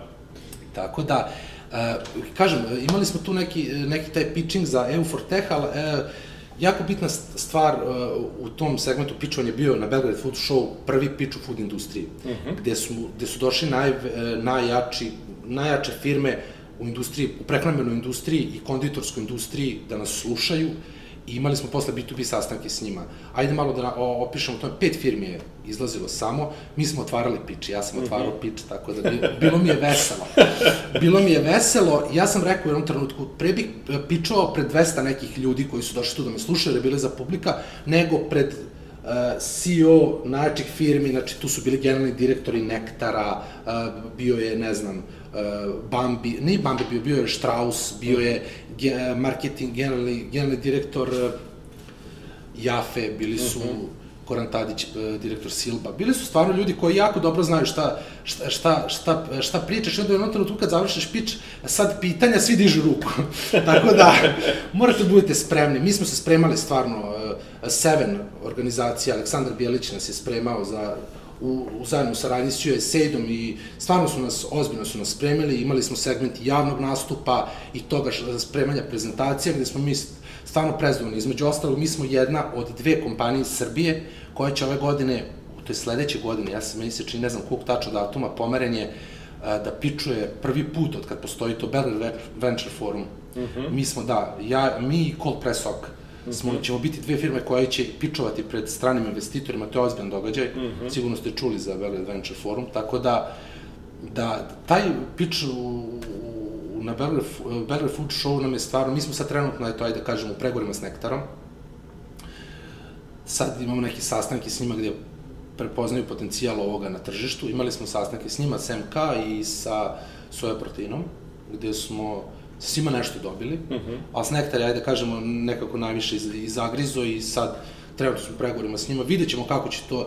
E, nismo jedni od onih e, konzervativaca, ne dam ja, ja sam ovo stvorio, ne, mi smo svesni. Brzo rastemo, uh -huh. kao što mhm. smo i pokazali, da bi još brže rasli, ako imamo već prostora za to, mi moramo da uzmemo partnera. Da li će to da bude jedna velika firma iz Srbije, da li će to da bude investitor iz Ujedinih Arabskih Emirata, ili će to da bude neki angel investment, to, to će sve da pokaže dalje, dalje tržište i dalje naša svest o tome, ali mislim da definitivno, s kim god da ulazimo u biznis, ulazimo kroz strateško partnerstvo. Jer pare kao pare, mi smo prvi startup u industriji hrane koji u prvoj godini dobio podršku banke Mi smo, znači, prvi startup u industriji hrane, mi smo u prvoj godini, gde te banka ne vidi do druge godine ne zanimaš ih, uh mhm. -huh. mi smo u prvoj godini dobili kredit, gde smo uh -huh. imali dva evidentirana izvoza. Uh mhm. -huh. Tako da, ako si uspešan i brzo rasteš, ti možeš da se i kod banke kreditiraš, uh mhm. -huh. banka to prepozna. Tako da, mislim da smo super potez napravili, jer smo u prvoj godini se tako isfinansirali. U drugoj ćemo se finansirati, sad se već finansiramo iz cash flow-a, i mislim ako nam bude zapalo, da ćemo opet to, da će to opet biti banka, a već u trećoj godini kad budemo kad budemo imali budemo rentabilni gde ne bude nam a, prodaja, a, skala prodaje išla kao EKG, ovaj, Dobro. jer je to normalno, mislim da a, u, u, na početku, kad to bude se uhvatio neki kontinuitet, mi ćemo onda u tom trenutku i početi da tražimo nekog investitora, investitora koji će s nekog stepena da nas podigne na mnogo više i da zajedničkim snagama izguramo to sve da jednog dana dođemo do ozbiljnog brenda. Šta su vam neki izazovi što se tog e, brzog rasta tiče? Šta je to nešto što vam je u prethodnom periodu onako bilo izazovno sa čime ste morali da, da se suočite i da to prevaziđete? dosta stvari ima s, s kojima se mačemo dan danas. Znači, generalno e, Srbija je svugde, svugde je teško, e, nigde nije lako biti preduzetnik i nigde nije lako biti, svugde tu ima mnogo njih koji to žele, koji to hoće i danas se puno priča o preduzetništvu. E, danas je dosta ljudi founder ovoga, onoga, tako da dosta izazova. Izazova ja generalno sad pričam iz mog segmenta jer sam ja u firmi zadužen za prodaju. To je taj uh, trenutak, uh, ja to stalno pričam start-upima, morate obilaziti teren. Teren je jako bitno obilaziti, jer ja, na primjer, danas odem i stavim tamo, složim moje proizvode, uradim cene, ja dođem za 5 dana, ti proizvodi izgledaju kao da neko bacio bombu i pobegao. Zato što to je, to, to je tržište. I onda gledam dosta njih, na primjer, greši, ne, ne obilazi teren, e, razbacane su im proizvodi, nemaju prodaju. E, tu sam ja nekako najlazio, e, e, dobio sam velike izazove kroz hendlovanja, ajde da kažemo, odnosa s tim ljudima tamo. Generalno u Srbiji je, e, ja o- sve ovo što pričam, pričam onako kako jeste i u Srbiji je jako teška scena generalno što se tiče i, i finansijska i ljudi, i što se tiče platežne moći i plata tih ljudi i onda ti dolaziš u jedan Mercator gde pre tebe ima Nelt sa tri palete i ti dolaziš sa tri kutije, a tamo onaj čovek koji kome nije do života, ni, ni što se tiče njegove, njegovog finansijske situacije, ničega, i ti onda tu hendluješ da on tebe primi pre, i mislim da su to mnogo jači pregovori nego pregovori s kategori menadžerima tamo u centrali, u centrali na osmom spratu, tako da, da to su neki izazovi gde, smo mi, gde sam ja morao u suštini da, se, da, da uđem totalno u te ljude, da ja vidim šta oni žele, šta, kako da im priđem i na koji način da bih ja izgurao svakodnevnicu svoju, jer je to moja svakodnevnica, ja ujutru se probudim, već uveče pripremim ceo spisak objekata kojih ja obilazim, podeljeni su mi objekti na A i B objekte, A objekti su objekti sa većom izlaznošću, gde se obilaze jednom nedeljno, B objekti su koji se slabi, gde slabije roba ide, manje se prode i njih obilazim jednom u dve nedelje. Sad sam već upoznao te ljude, družim se s njima, na početku sam im i poklanjao proizvode, E, bavite se terenom, zato što e, teren je jako bitna stvar. E, potrošač kad dođe, on vidi policu, ta polica koja je loše, ako ste, dođe konkurencija, gurne vas, postavi sebe, dođite vi, gurnete konkurenciju, shvatate, to je normalno, ali vi ako niste tamo da gurnete konkurenciju, onda će samo konkurencija gura vas i gde ste vi onda? Nema vas, tako da, da morate i da obrišete teglicu, postavite jednu na drugu. Cene akcijske, to niko neće uraditi osim vas. E, oni kad rade akcijske cene, rade za brendove za koje znaju. Mi smo evo sad već došli na taj nivo da dođem u jedan objekat gde znam da ranije niko nije stavljao i ono stoje akcijske cene, jer već roba izlazi, roba se prodaje, ljudi je traže i navikli su. Ali kad sam bio na samom početku, dam akciju u trgovinskom lancu, obiđem 20 objekata, dva, dve stavljene akcijske cene, na 18 ja stavljam. Mm -hmm. Još kad uđeš ono, kao, možete nuliti akcijske cene, Ja, evo ga, ovaj u moru, onih, da, oni, onaj tamo iz Imleka s tabletom, ono, i tako, i, to, to su neke stvari gde, gde mi stalno nalazimo na neke prepreke koje moraš da hendluješ i moraš da se baviš njima i da, da, da ja sam dosta se edukovao, edu, pored svih tih uh, projekata koje sam dobio tu edukaciju, ja sam dosta čitao knjiga, dosta sam čitao našim uspešnim privrednicima, iako to negde, ajde, s nekima se slažem i sa njihovim putem, s nekima možda i ne, ali to je sad već moje neko, neko lično mišljenje, ali, ali, ali dosta sam učio i radio na sebi i, i dan danas radim i skoro sam završavao na ovaj, dosta mi se ljudi smeju, ono, završam tako neke kurseve oko ofisa i to, ali to mora, mislim, mm -hmm. te napredne neke nivoje, to nešto sve što nam traži i, ako ne slušamo to tržište i ne idemo u stopu sa njim, samo će da nas mm -hmm. izgura jedan, u jednom trenutku. Reci mi, te stvari oko prodaje bile onako nešto prirodno ili si to morao da učiš? prirodno.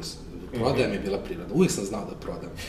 Čak sam, evo sad ću, da- moj prvi preduzetnički potez je bio u petom razredu osnovne škole, gde sam ja prodavao narezane CD-ove na pijaci. To je bio da.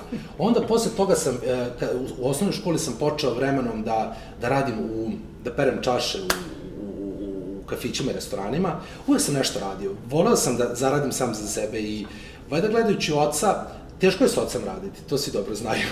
I ja sam to isto prepoznao rano i moj otac je to prepoznao. Ja sam rekla, ajde bolje da ne radimo zajedno, nego da, nego da Ovaj, a majka, kad idemo, ovaj, skoro su, bili smo sad letos na odmoru, majka pre odmora, nema priča o poslu. Znači, zašto zna da će naći neki segment gde se nećemo složiti, tako da, ali to je normalno, to se kod svih dešava i I onda sam tako nekako, ne mogu da kažem, uvijek sam negde bežao od tog njegovog posla, koji je stvarno bio super i uvijek je on to dobro radio i ja sam tu bežao u neke svoje stvari, I na kraju, između ostalog, sam i u Nemačkoj završio da radim zbog, zbog, zbog svega toga, zbog svega toga i te moje preduzetničke priče. Tako da, znao sam uvijek da prodam, ali pročito sam sigurno preko 5-6 knjiga, knjiga o prodaji i mogu neki da preporučim. 12 po načela Gitomer, 12 mm -hmm. načela veličanstvene prodaje. E, u knjizi je jako lepo opisano kako se prodaja radi i na koji način. Ja sam i, i pre ovoga radio, radio za jednu švajcarsku firmu, prodavao sam aplikaciju i bio mm -hmm. sam najbolji prodavac, tako da prodaja urođena, znači da bi se bavio prodajom ne možeš da imaš stida ni blama, moraš da znaš s ljudima, što, što kažu to je baš toj knjizi, ako si ga nasmeo, prodao si mu. Tako da, to je to. Moraš da imaš neki šarm, neki, negde neki stepen, stepen e, pregovaračkih sposobnosti, gde ti da ubediš i najvažnije prodajce, moraš ti da veruješ to i da ti znaš šta prodaješ i da je to kvalitetno, da je to super. Ako ni, ne znaš to i ako nisi siguran u to, nećeš dobro da prodaješ, budi siguran. Mm -hmm. Tako da, Reci mi, ovaj, što se tiče vođenja tima, kad si već počeo da dobijaš tim, je li bilo tu nekih izazova? Jeste. Jeste, uh, bilo je, pa da, svugde ima izazova, e sad, manjih većih, jeste, bilo je. Šta ja kod sebe radim, uh, kod nas u timu, ja uh, dosta njima puštam da, da rade sami. Mhm. -huh. Ali, e, e, e, s jedne strane tako prebacujem odgovornost na njih, a i samim tim jačam ih. Jačam -huh. ih da oni donose, ja, ja, ja na primjer nikad nisam rekao oni rade za mene, ja kažem oni rade sa mnom, jer ovaj brand ne bi bio to što jeste, da nema nas, da sam samo ja, bio bi jednim delom, ali mi svi zajedno, i taj tim e, ljudi čini to da mi budemo danas što jesmo. I kako se bude širio, ja se nadam da će ti ljudi, evo, oni svi rade tu od početka, da će oni jednog dana biti middle management ove firme i da će voditi te ostale posle. Mm -hmm. Baš zbog toga prebacujem tu odgovornost neku na njih, da ono nešto rade, da im odrešene ruke, da rade kako treba, sve to prolazi na kraju kroz, kroz neku moju kroz moju neku preglednost i to sve što, što urade, ali volim, generalno volim da, da ih pohvalim kad dobro urade. Sad opet, kroz raznorazne te knjige, i to čitao sam isto, to je interesantan podatak, da ljudi, ne rade svi ljudi dobro kad ih hvališ, neki mnogo bolje rade kad ih grliš. Uh mhm. -huh. Ja još nisam nekako naišao, naišao, nisam taj lik i ne, ne, ne znam, ne znam, ovaj, nisam još tako duboko ušao u analizu, nemam vremena da uđem u analizu svog tima, ali za sad su super i, i svaka pohvala im je super i, i dišemo kao jedna porodica, što mi se mhm. jako sviđa jako lepa atmosfera u timu i stalno se smejemo i, i mi smo još tim koji se, koji se nalazi po kafićima, ali evo, baš mi je drago da smo već polako počeli da tražimo kancelarije gde ćemo se, da se, da se mhm. stacioniramo. Ima nas, treba će nam, radimo, tako da sve u svoje vreme dosta start-upova prvo otvori kancelariju, pa, pa onda tek će da vidi, a ne zna šta mu se u magazinu dešava da. i, i kakva je polica. Tako da mislim da treba ići redom i treba obr, obrtati stvari, a ne prvo da budemo direktori. Prvo moramo da budemo komercijalisti da bi jednog dana bili direktori i siguran uh -huh. sam u to. Bar okay. na mom primjeru se tako pokazalo. Da. E, reci mi, kako vidiš ovaj, neki naredni period što se tiče razvoja firme? E, rekao si da planirate, znači svakako diversifikovanje što se tiče proizvodnog programa i ono što si spomenuo u jednom trenutku da verovatno planirate i da radite outsourcing vaše proizvodnje. Šta je nešto što vas je u tom pravcu poguralo? Pa ovako, ajde da, to je jedna isto bitna stavka. Mi od januara outsourcujemo proizvodnju, prelazimo u drugu proizvodnju koja ima ozbiljne standarde, Standardi su nam sad jako potrebni mm -hmm. iz razloga, ali to nije jedini razlog što mi prelazimo, standardi se uvedu. Razlog tome je jer smo jednostavno shvatili da bi brand bio uspešan na tržištu, e, postoji jedan jedini način, a to je da se baviš prodajom i marketingom. Mm -hmm. Kad uzmete jednu kompaniju i njen brand, kad postavite redom kako stoje stvari, e, kvalitet proizvoda je na četvrtom mestu. Tako da, imamo brendova koji nemaju kvalitet, a mnogo su zastupljeni. Yes. I to nam je pokazatelj. Tako da smo se mi odlučili, smanjujemo dva čoveka u proizvodnji, ubacujemo dva u prodaju. Uh mhm. -huh. I guramo prodaju i marketing. Nastavljamo tamo gde smo najbolji i gde najjače radimo. Uh, outsourcing proizvodnju onima koji vole i hoće time da se bave. Ja ne kažem da naš tehnolog ne voli, on će dalje ostati tu i dalje će pratiti njihove procese.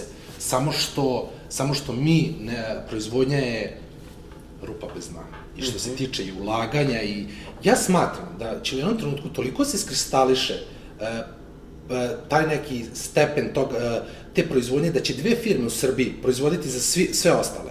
I siguran sam u to, ja ne, to je period u koji pričamo 10 do 20 godina da će se desi, ali to mora da se desi, zato što će ljudi videti da kad naprave proizvod i sede u proizvodnji i čekaju da im se proda, da će da ga ugase. I to je ono što smo mi pokrenuli online prodaju. Vi radite proizvodnju, mi znamo kako da prodamo. Imate super proizvod, a ćete ga pakovati pod našim brendom. Mi uzimamo od vas pod našim brendom, distribuiramo ga. Širimo svest o, o, to, o, o, o brendu Šumska tajna ili ti Forest Secret na inostranom tržištu. Mi kad smo se prvi put i, i, i sreli, kad je to bilo pre, eto, nepunih godinu dana, nama je Srbija e, pilot projekat to, e, samog, e, same online prodaje. Mi svakako planiramo da nastupimo na jednom od ozbiljnih evropskih tržišta sa, sa online prodajom. Sad smo trenutno u pregovorima sa Foodistom, to je jedna od najvećih online platformi u Nemačkoj, pravi od 15 do 20 miliona miliona godišnje, imamo već prve isporuke za njih spremljene. Tako da, neki budući planovi, to je outsourcing proizvodnje, e, povećanje e, tog, e, povećanje proizvoda, portfolija proizvoda na online pla- platformi, ušli smo u robne marke. E, radimo za jednu od eminentnijih e, distribucija u Bugarskoj, Zelena grana se zove, radimo robnu marku. Eto, to je neki segment gde smo mi prepoznali da ćemo morati u jednom trenutku da uđemo. Eto, to je došlo posle godinu i po dana. Možda se ja sam očekivao da će to možda malo i kasnije da dođe, ali ajde, što da ne. E, jaki su, robne marke se vezuju količinama. I ja smatram da robna marka uopšte nije ne, nešto loše. E, treba, to je tržište i tako da i mi eto ulazimo u taj segment, radimo tri SKU proizvoda za njih, za njih oni su super distribucija, jaki su, imaju veliki broj objekata, mislim da će oni to dobro da rade, tako da spremamo i za njih sledećeg meseca neke, neke prve isporuke robne marke. Eto, to su neki budući planovi. Mm -hmm. U pregovorima smo, u pregovorima smo sa Kinom, mm -hmm. ali nisam ti rekao kako smo u pregovorima sa Kinom. Ajde da čujem. Preko grupe Ja preduzetnik. Upoznao sam, ma, eto, nećeš me, ja sam danas kad, Da smo, moguće? kad smo se čuli, kad sam sve završio, ja rekao, pa čoveče, ja kontakte s Kine imam preko grupe. A, kad su učlani novi član, uh, napiše Da, se, jeste, da- da se predstavite se, se. ostalo, Marko Mandić, dečko se predstavio, ja radim u Kiniju, bavimo se dropshippingom, ja sam, i ja sam, ono, prodavac kao i svaki drugi, Marko, dobar dan, ja sam taj, da je Nikola, vidio sam tvoj post u grupi, rekao, da li imaš kontakt, imam, naravno, pošljemo dečka koji uvozi bakinu tajnu, koju, Mhm. on se oduševio proizvodima, evo sad, čekamo samo da razradimo marketing plan i prve količine u januaru treba iz Portugala da krenu.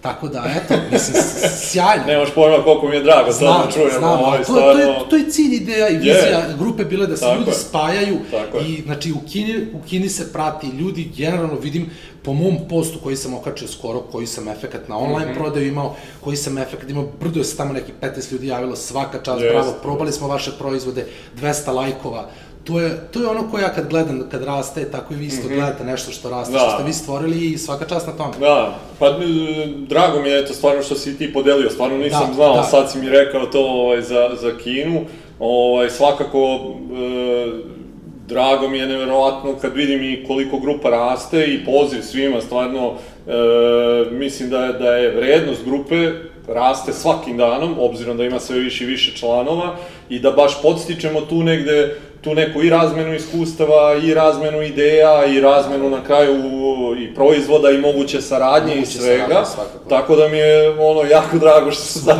čuo Da. ovu priču od tebe. Danas kad smo prekinuli telefonski razgovor, ja kažem, pa čoveče, ja sam čuo, jer, jer e, ti se oduševio kao Kina, super, Jerko, pa ja sam to našao preko grupe. Stvarno sam našao, on se dečko predstavio bio kako radi, tamo dropshippingom se bavi, s prijateljima iz Srbije, on je tamo na, na licu mesta zbog proizvoda i stvarno jedna, je- jedna, jedna super stvar i eto, baš smo brzo nešto i dogovorili, tako da odlično. Baš, Grupa je baš, da. fantastična, mislim, da, ljudi koji su i ovde umesto mene bili pričali, ja sam ih sve pregledao i od svakog imaš da čuješ nešto što možeš da implementiraš, što niko ti ne traži da preslikavaš i da pratiš, ali samo pogledaj kako to drugi rade, pa pa implementiraj kroz, kroz svoj biznis ako misliš i ako smatraš da je to tako dobro. Da. Ja kažem ljudima, e, sedite u proizvodnjama, a tamo jedna Coca-Cola ili, ili jedan, jedan Bambi visi na terenu s tabletima. Pa što on visi na terenu? to, to, to prodaje mm. proizvod, to pro, sekundarne mm. pozicije, bolje pozicije, lepše, namešten, mm. nameš, lepše nameštene police, bavite se svojim proizvodom. Ili, ti otići to robna marke. Robna marka je jednostavna, ugovor na godinu dana, daš, da on mora da ispuni ono što je, te, što je tražio, manja marža, ali taj ko ti je kupio preuzima odgovornost mm. marketinga, akcije, promocije i ostalo. Da. I to je jednostavno. Reci mi, šta su neke stvari kod tebe koje si morao da menjaš za ovih par godina koliko si u preduzetništvu? Uf, morao sam da menjam. Morao sam da promenim svoj privatni život, definitivno. Ja sam, do, kao mlad sam dosta neozbiljan bio i spavao sam do dva i, i jedan, to sam morao da promenim. To, to, to, toga sam krenuo drastično. Drastično sam krenuo od toga. Privatan život e, nikad ne možete na početku, kad ste na početku preduzetništva, da se pohvalite svojim privatnim životom. Tako da ja dosta radim, danas ljudi nemaju razumevanja puno da, da neko, pogotovo devojke, nemaju razumevanja puno da se, da se to stvarno, stvarno toliko mora da se radi i, i da ja imam viziju za 10 godina da, da ovaj brand tamo bude u jednom Walmartu ili u X5 u, u Moskvi gde će se prodaje, da će potrošači da primete i onda dosta stvari sam menjao. Pored svog ovog hendlovanja na poslu, hendluješ i privatan život gde možda nekad zna da bude i teže nego, ne, nego i... i da. Izgubile su se razumevanja među ljudima, danas kao što je to ranije to bilo mnogo, mnogo na većem nivou, ali danas sve brže dešava, sve i mi pratimo te trendove, rastemo tako brzo zato što se sve to brzo dešava, tako da nećemo se žalimo. Dobro, da, tako naravno. Da, dosta stvari, dosta, dosta stvari Reci sam... mi, jesi imao nekoga možda ovaj, za, za sve te neke izazove koje smo spominjali, sa kime si mogao da porazgovaraš sa njima, da možda dobiješ neki savet, je li to bio možda otac, majka ili neko sa strane? Pa, sa svima sam pričao, s dosta ljudi sam uh, generalno pričao i dan danas, kad treba neke drastične odluke da donesem u firmi, koje su, su velike i tiču se celokupnog poslovanja, ja uvijek popričam s minimalno pet ljudi. Uh -huh. uh, roditelji svakako, otac me uvijek savjetovao i savjetom je dan danas, bio mi je velika podrška i dan danas je podrška, kao i majka, uh, E, pored toga, e, eto ja tog čoveka nekako mogu kažem da je to moj mentor bio Vaso Lekić, uh mhm. -huh. čovek koji je stvorio Foodland i Bakinu tajnu. Uh -huh. Ja sam njega slučajno upoznao, to jest on je došao do mene na štandu i rekao mi u jednom trenutku, kaže, bili smo, izlagali smo ko, e, na nekom festivalu i kaže, i kaže mi devojka, ja nisam bio tu, vratio kaže, neko te tražio. I ja, ko me tražio, kaže, ovaj čovek, ja odem tamo, dobro, ja sam Vaso Lekić, ja ne znam ko je Vaso Lekić, jer ja sam Nikola Stanišić, i on kaže, sve smo ovde videli, ali ovo nikad nismo videli.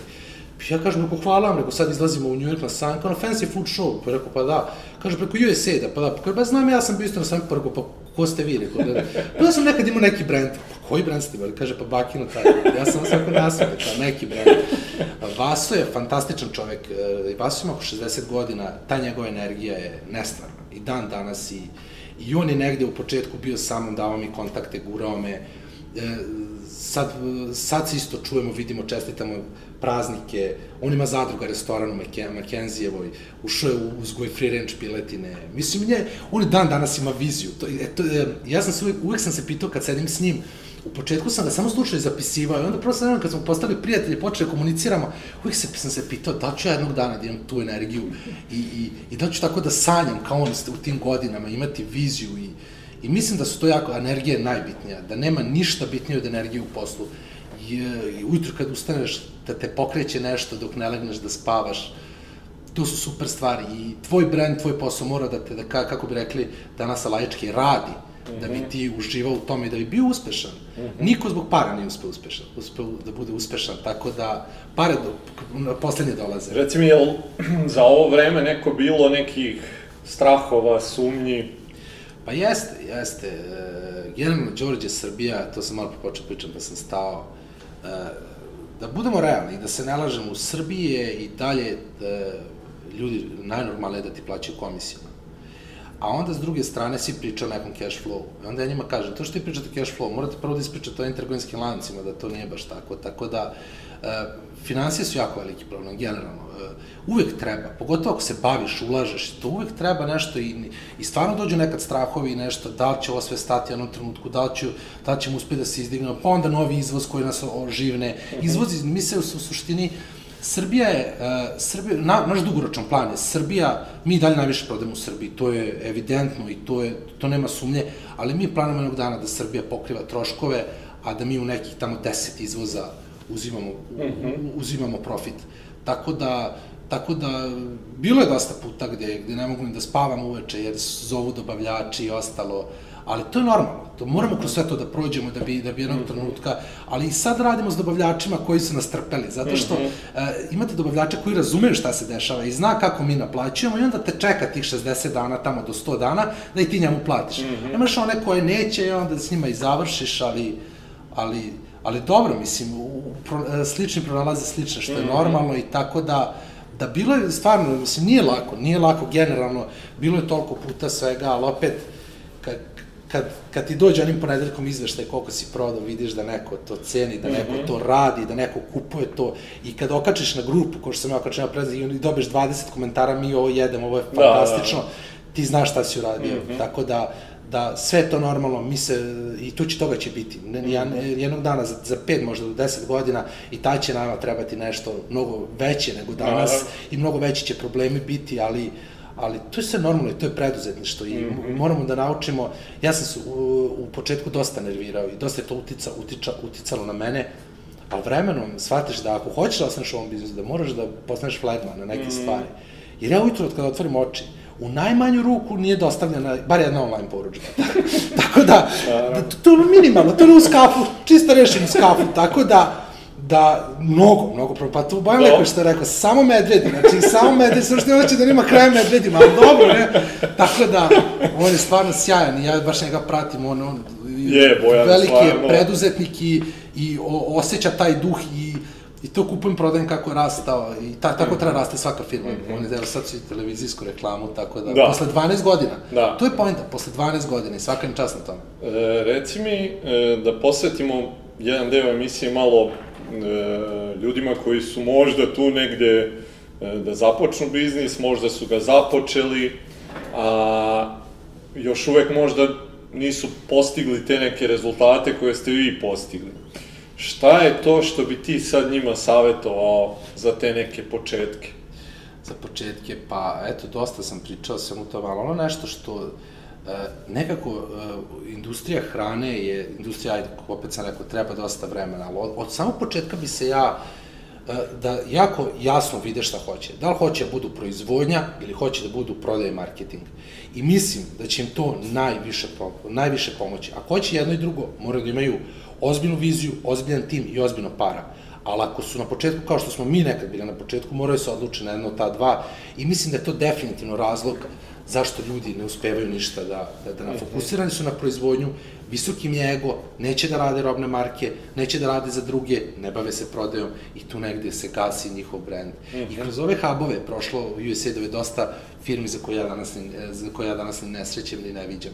Mislim, ne mogu svi da odskoče ne znam kako, ali, ali baš zbog tih stvari koje sam sad spomenuo, mislim da moraju ljudi da, da, da, da jako dobro znaju šta hoće od samog početka. Mhm. -huh. Ja imam 27 godina i kad vidim da pričam s ljudima od 40 i 50 godina, vidim da oni to ne razumeju. Mhm. -huh. I onda ne, neko te posluša kad mu nešto kažeš, posavetuješ. Ja nikad ne tražim da me neko sluša, samo dam savet ko su meni drugi davali, neko se smrtno uvredi, tako da, tako da mora da bude ti jasno ko si ti i šta ti želiš, od, da li želiš brand ili želiš tamo proizvodnju masovnu na 20% marže pod robnim markama, to je već do tebe. Mm -hmm. Tako da... Okay.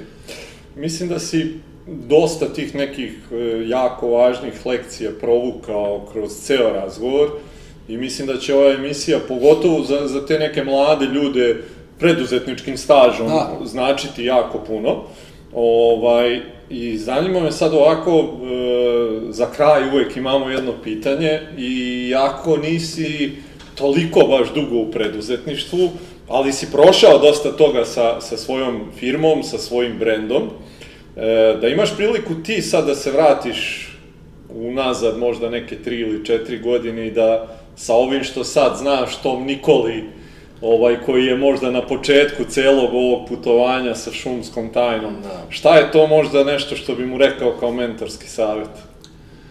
Pa, ajde, mi postojimo godinu i po dana, da kažem, se ukupno radimo oko dve i po godine, to i nije onako ne... Rekao bi mu prvo da se edukuje, definitivno. Pustio bi ga prvo u edukaciju i, i, i u korporativni biznis definitivno. Znači, otišao bih negde u neku firmu, ne tako veliku, Mhm. -huh. ne tako veliku, ali bi se oprobao u nekoj firmu. U nekoj proizvodnji do nekih 50 ljudi gde imaju 10 na terenu i pogledao bih malo kako to kod njih funkcioniše, zadržao se tu dve godine, video šta, šta se dešava i onda bih ušao u preduzetništvo, jer ja sam u preduzetništvo ušao, znao sam kroz svog oca, ali sam ušao kao padobranac. Mm -hmm. I Mhm. Kao i većina što Kao i većina što ulazi i mislim da je taj, taj moment korporativnog biznisa jako bitan za svakog budućeg preduzetnika. Uh, jer ti vidiš kako to funkcioniše. To neće tako kod tebe funkcioniše, jer ti sve to što vidiš tu, ali je jako dobro da znaš. I mm -hmm. uvijek ćeš ti morati da radiš na sebi. Pa doktori uče sa 60 godina, tako ćemo mi, mi koji želimo iz dana u dan da napredujemo, uvijek ćemo morati da radimo na sebi i na nekim stvarima, ali definitivno, eto, to je nešto što znači prvo, firma, korporativni biznis, da vidiš šta se dešava, da vidiš kako funkcioniše, e onda polako ulaziš u svoj. I nemojte da ulazite sa ograničenim sredstvima finansiranja u biznis. To je jako isto, jer sve što zamislite, sve što izračunate, puta tri, možete da stavite i da kažete, možda, uklopit ću se. Tako da, to su ne, neke stvari, eto, koje, koje bi svakako rekao tom, tom Nikoli od pre tri godine. Jel bi ih poslušao? Ja mislim da ne bi. Ne bi. Ne bi. Znam sebe, ne bi. Nikola bi ušao, Nikola bi ušao, ja znam sebe kakav sam, tako da znam. I dalje kao padobranac, da, kao grlom u padobranac, jagode. Da, da, grlom u jagode, baš tako. Ok, Nikola, hvala ti stvarno puno ovaj, na odvojenom vremenu. E, mislim da veliki broj ljudi koji, koji prati serijal je već čuo za, za šumsku tajnu. E, za one koji nisu, mislim da je ovo bila jedna e, jako lepa uvertira da čuju prvo priču o šumskoj tajni, pa da onda odu ovaj, da je probaju. A siguran sam da, da će u nekim godinama koje su ispred nas e, ovaj brend biti nešto što će e, predstavljati Srbiju na, na stvarno jedan fenomenalan način i da će Srbija kao država biti ponosna na to što ima šumsku tajnu. Hvala ti, Đorđe, na lepim rečima. E, radite pravu stvar sa serijalom Ja preduzetnik i drago mi što sam deo svega ovoga. Hvala ti na pozivu, pre svega ovo je, u ovoj emisiji su gostali, gostovali naši najveći privrednici, ja kao start-up i neko ko je na početku dosta nam znači, kao vetar u leđa. E, opet, ko što sam ti rekao pre godinu dana, sve prema saslugama, da, tako da sa svim ovim što si već do sad prošao, stvarno mislim da će ova epizoda da bude jako e, važna i od velikog značaja za neke ljude koji su tu u nekim možda fazama koje ste vi sad trenutno prošli, a koje su neki preduzetnici recimo sa kojima smo razgovarali, koje si već spomenuo i prošli davno.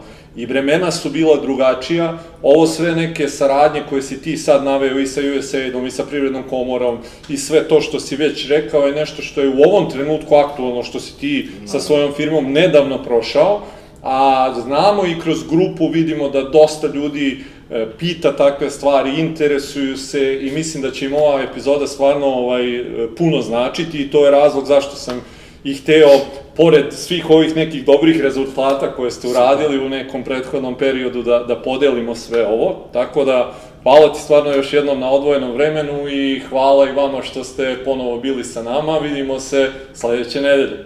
Prijatno!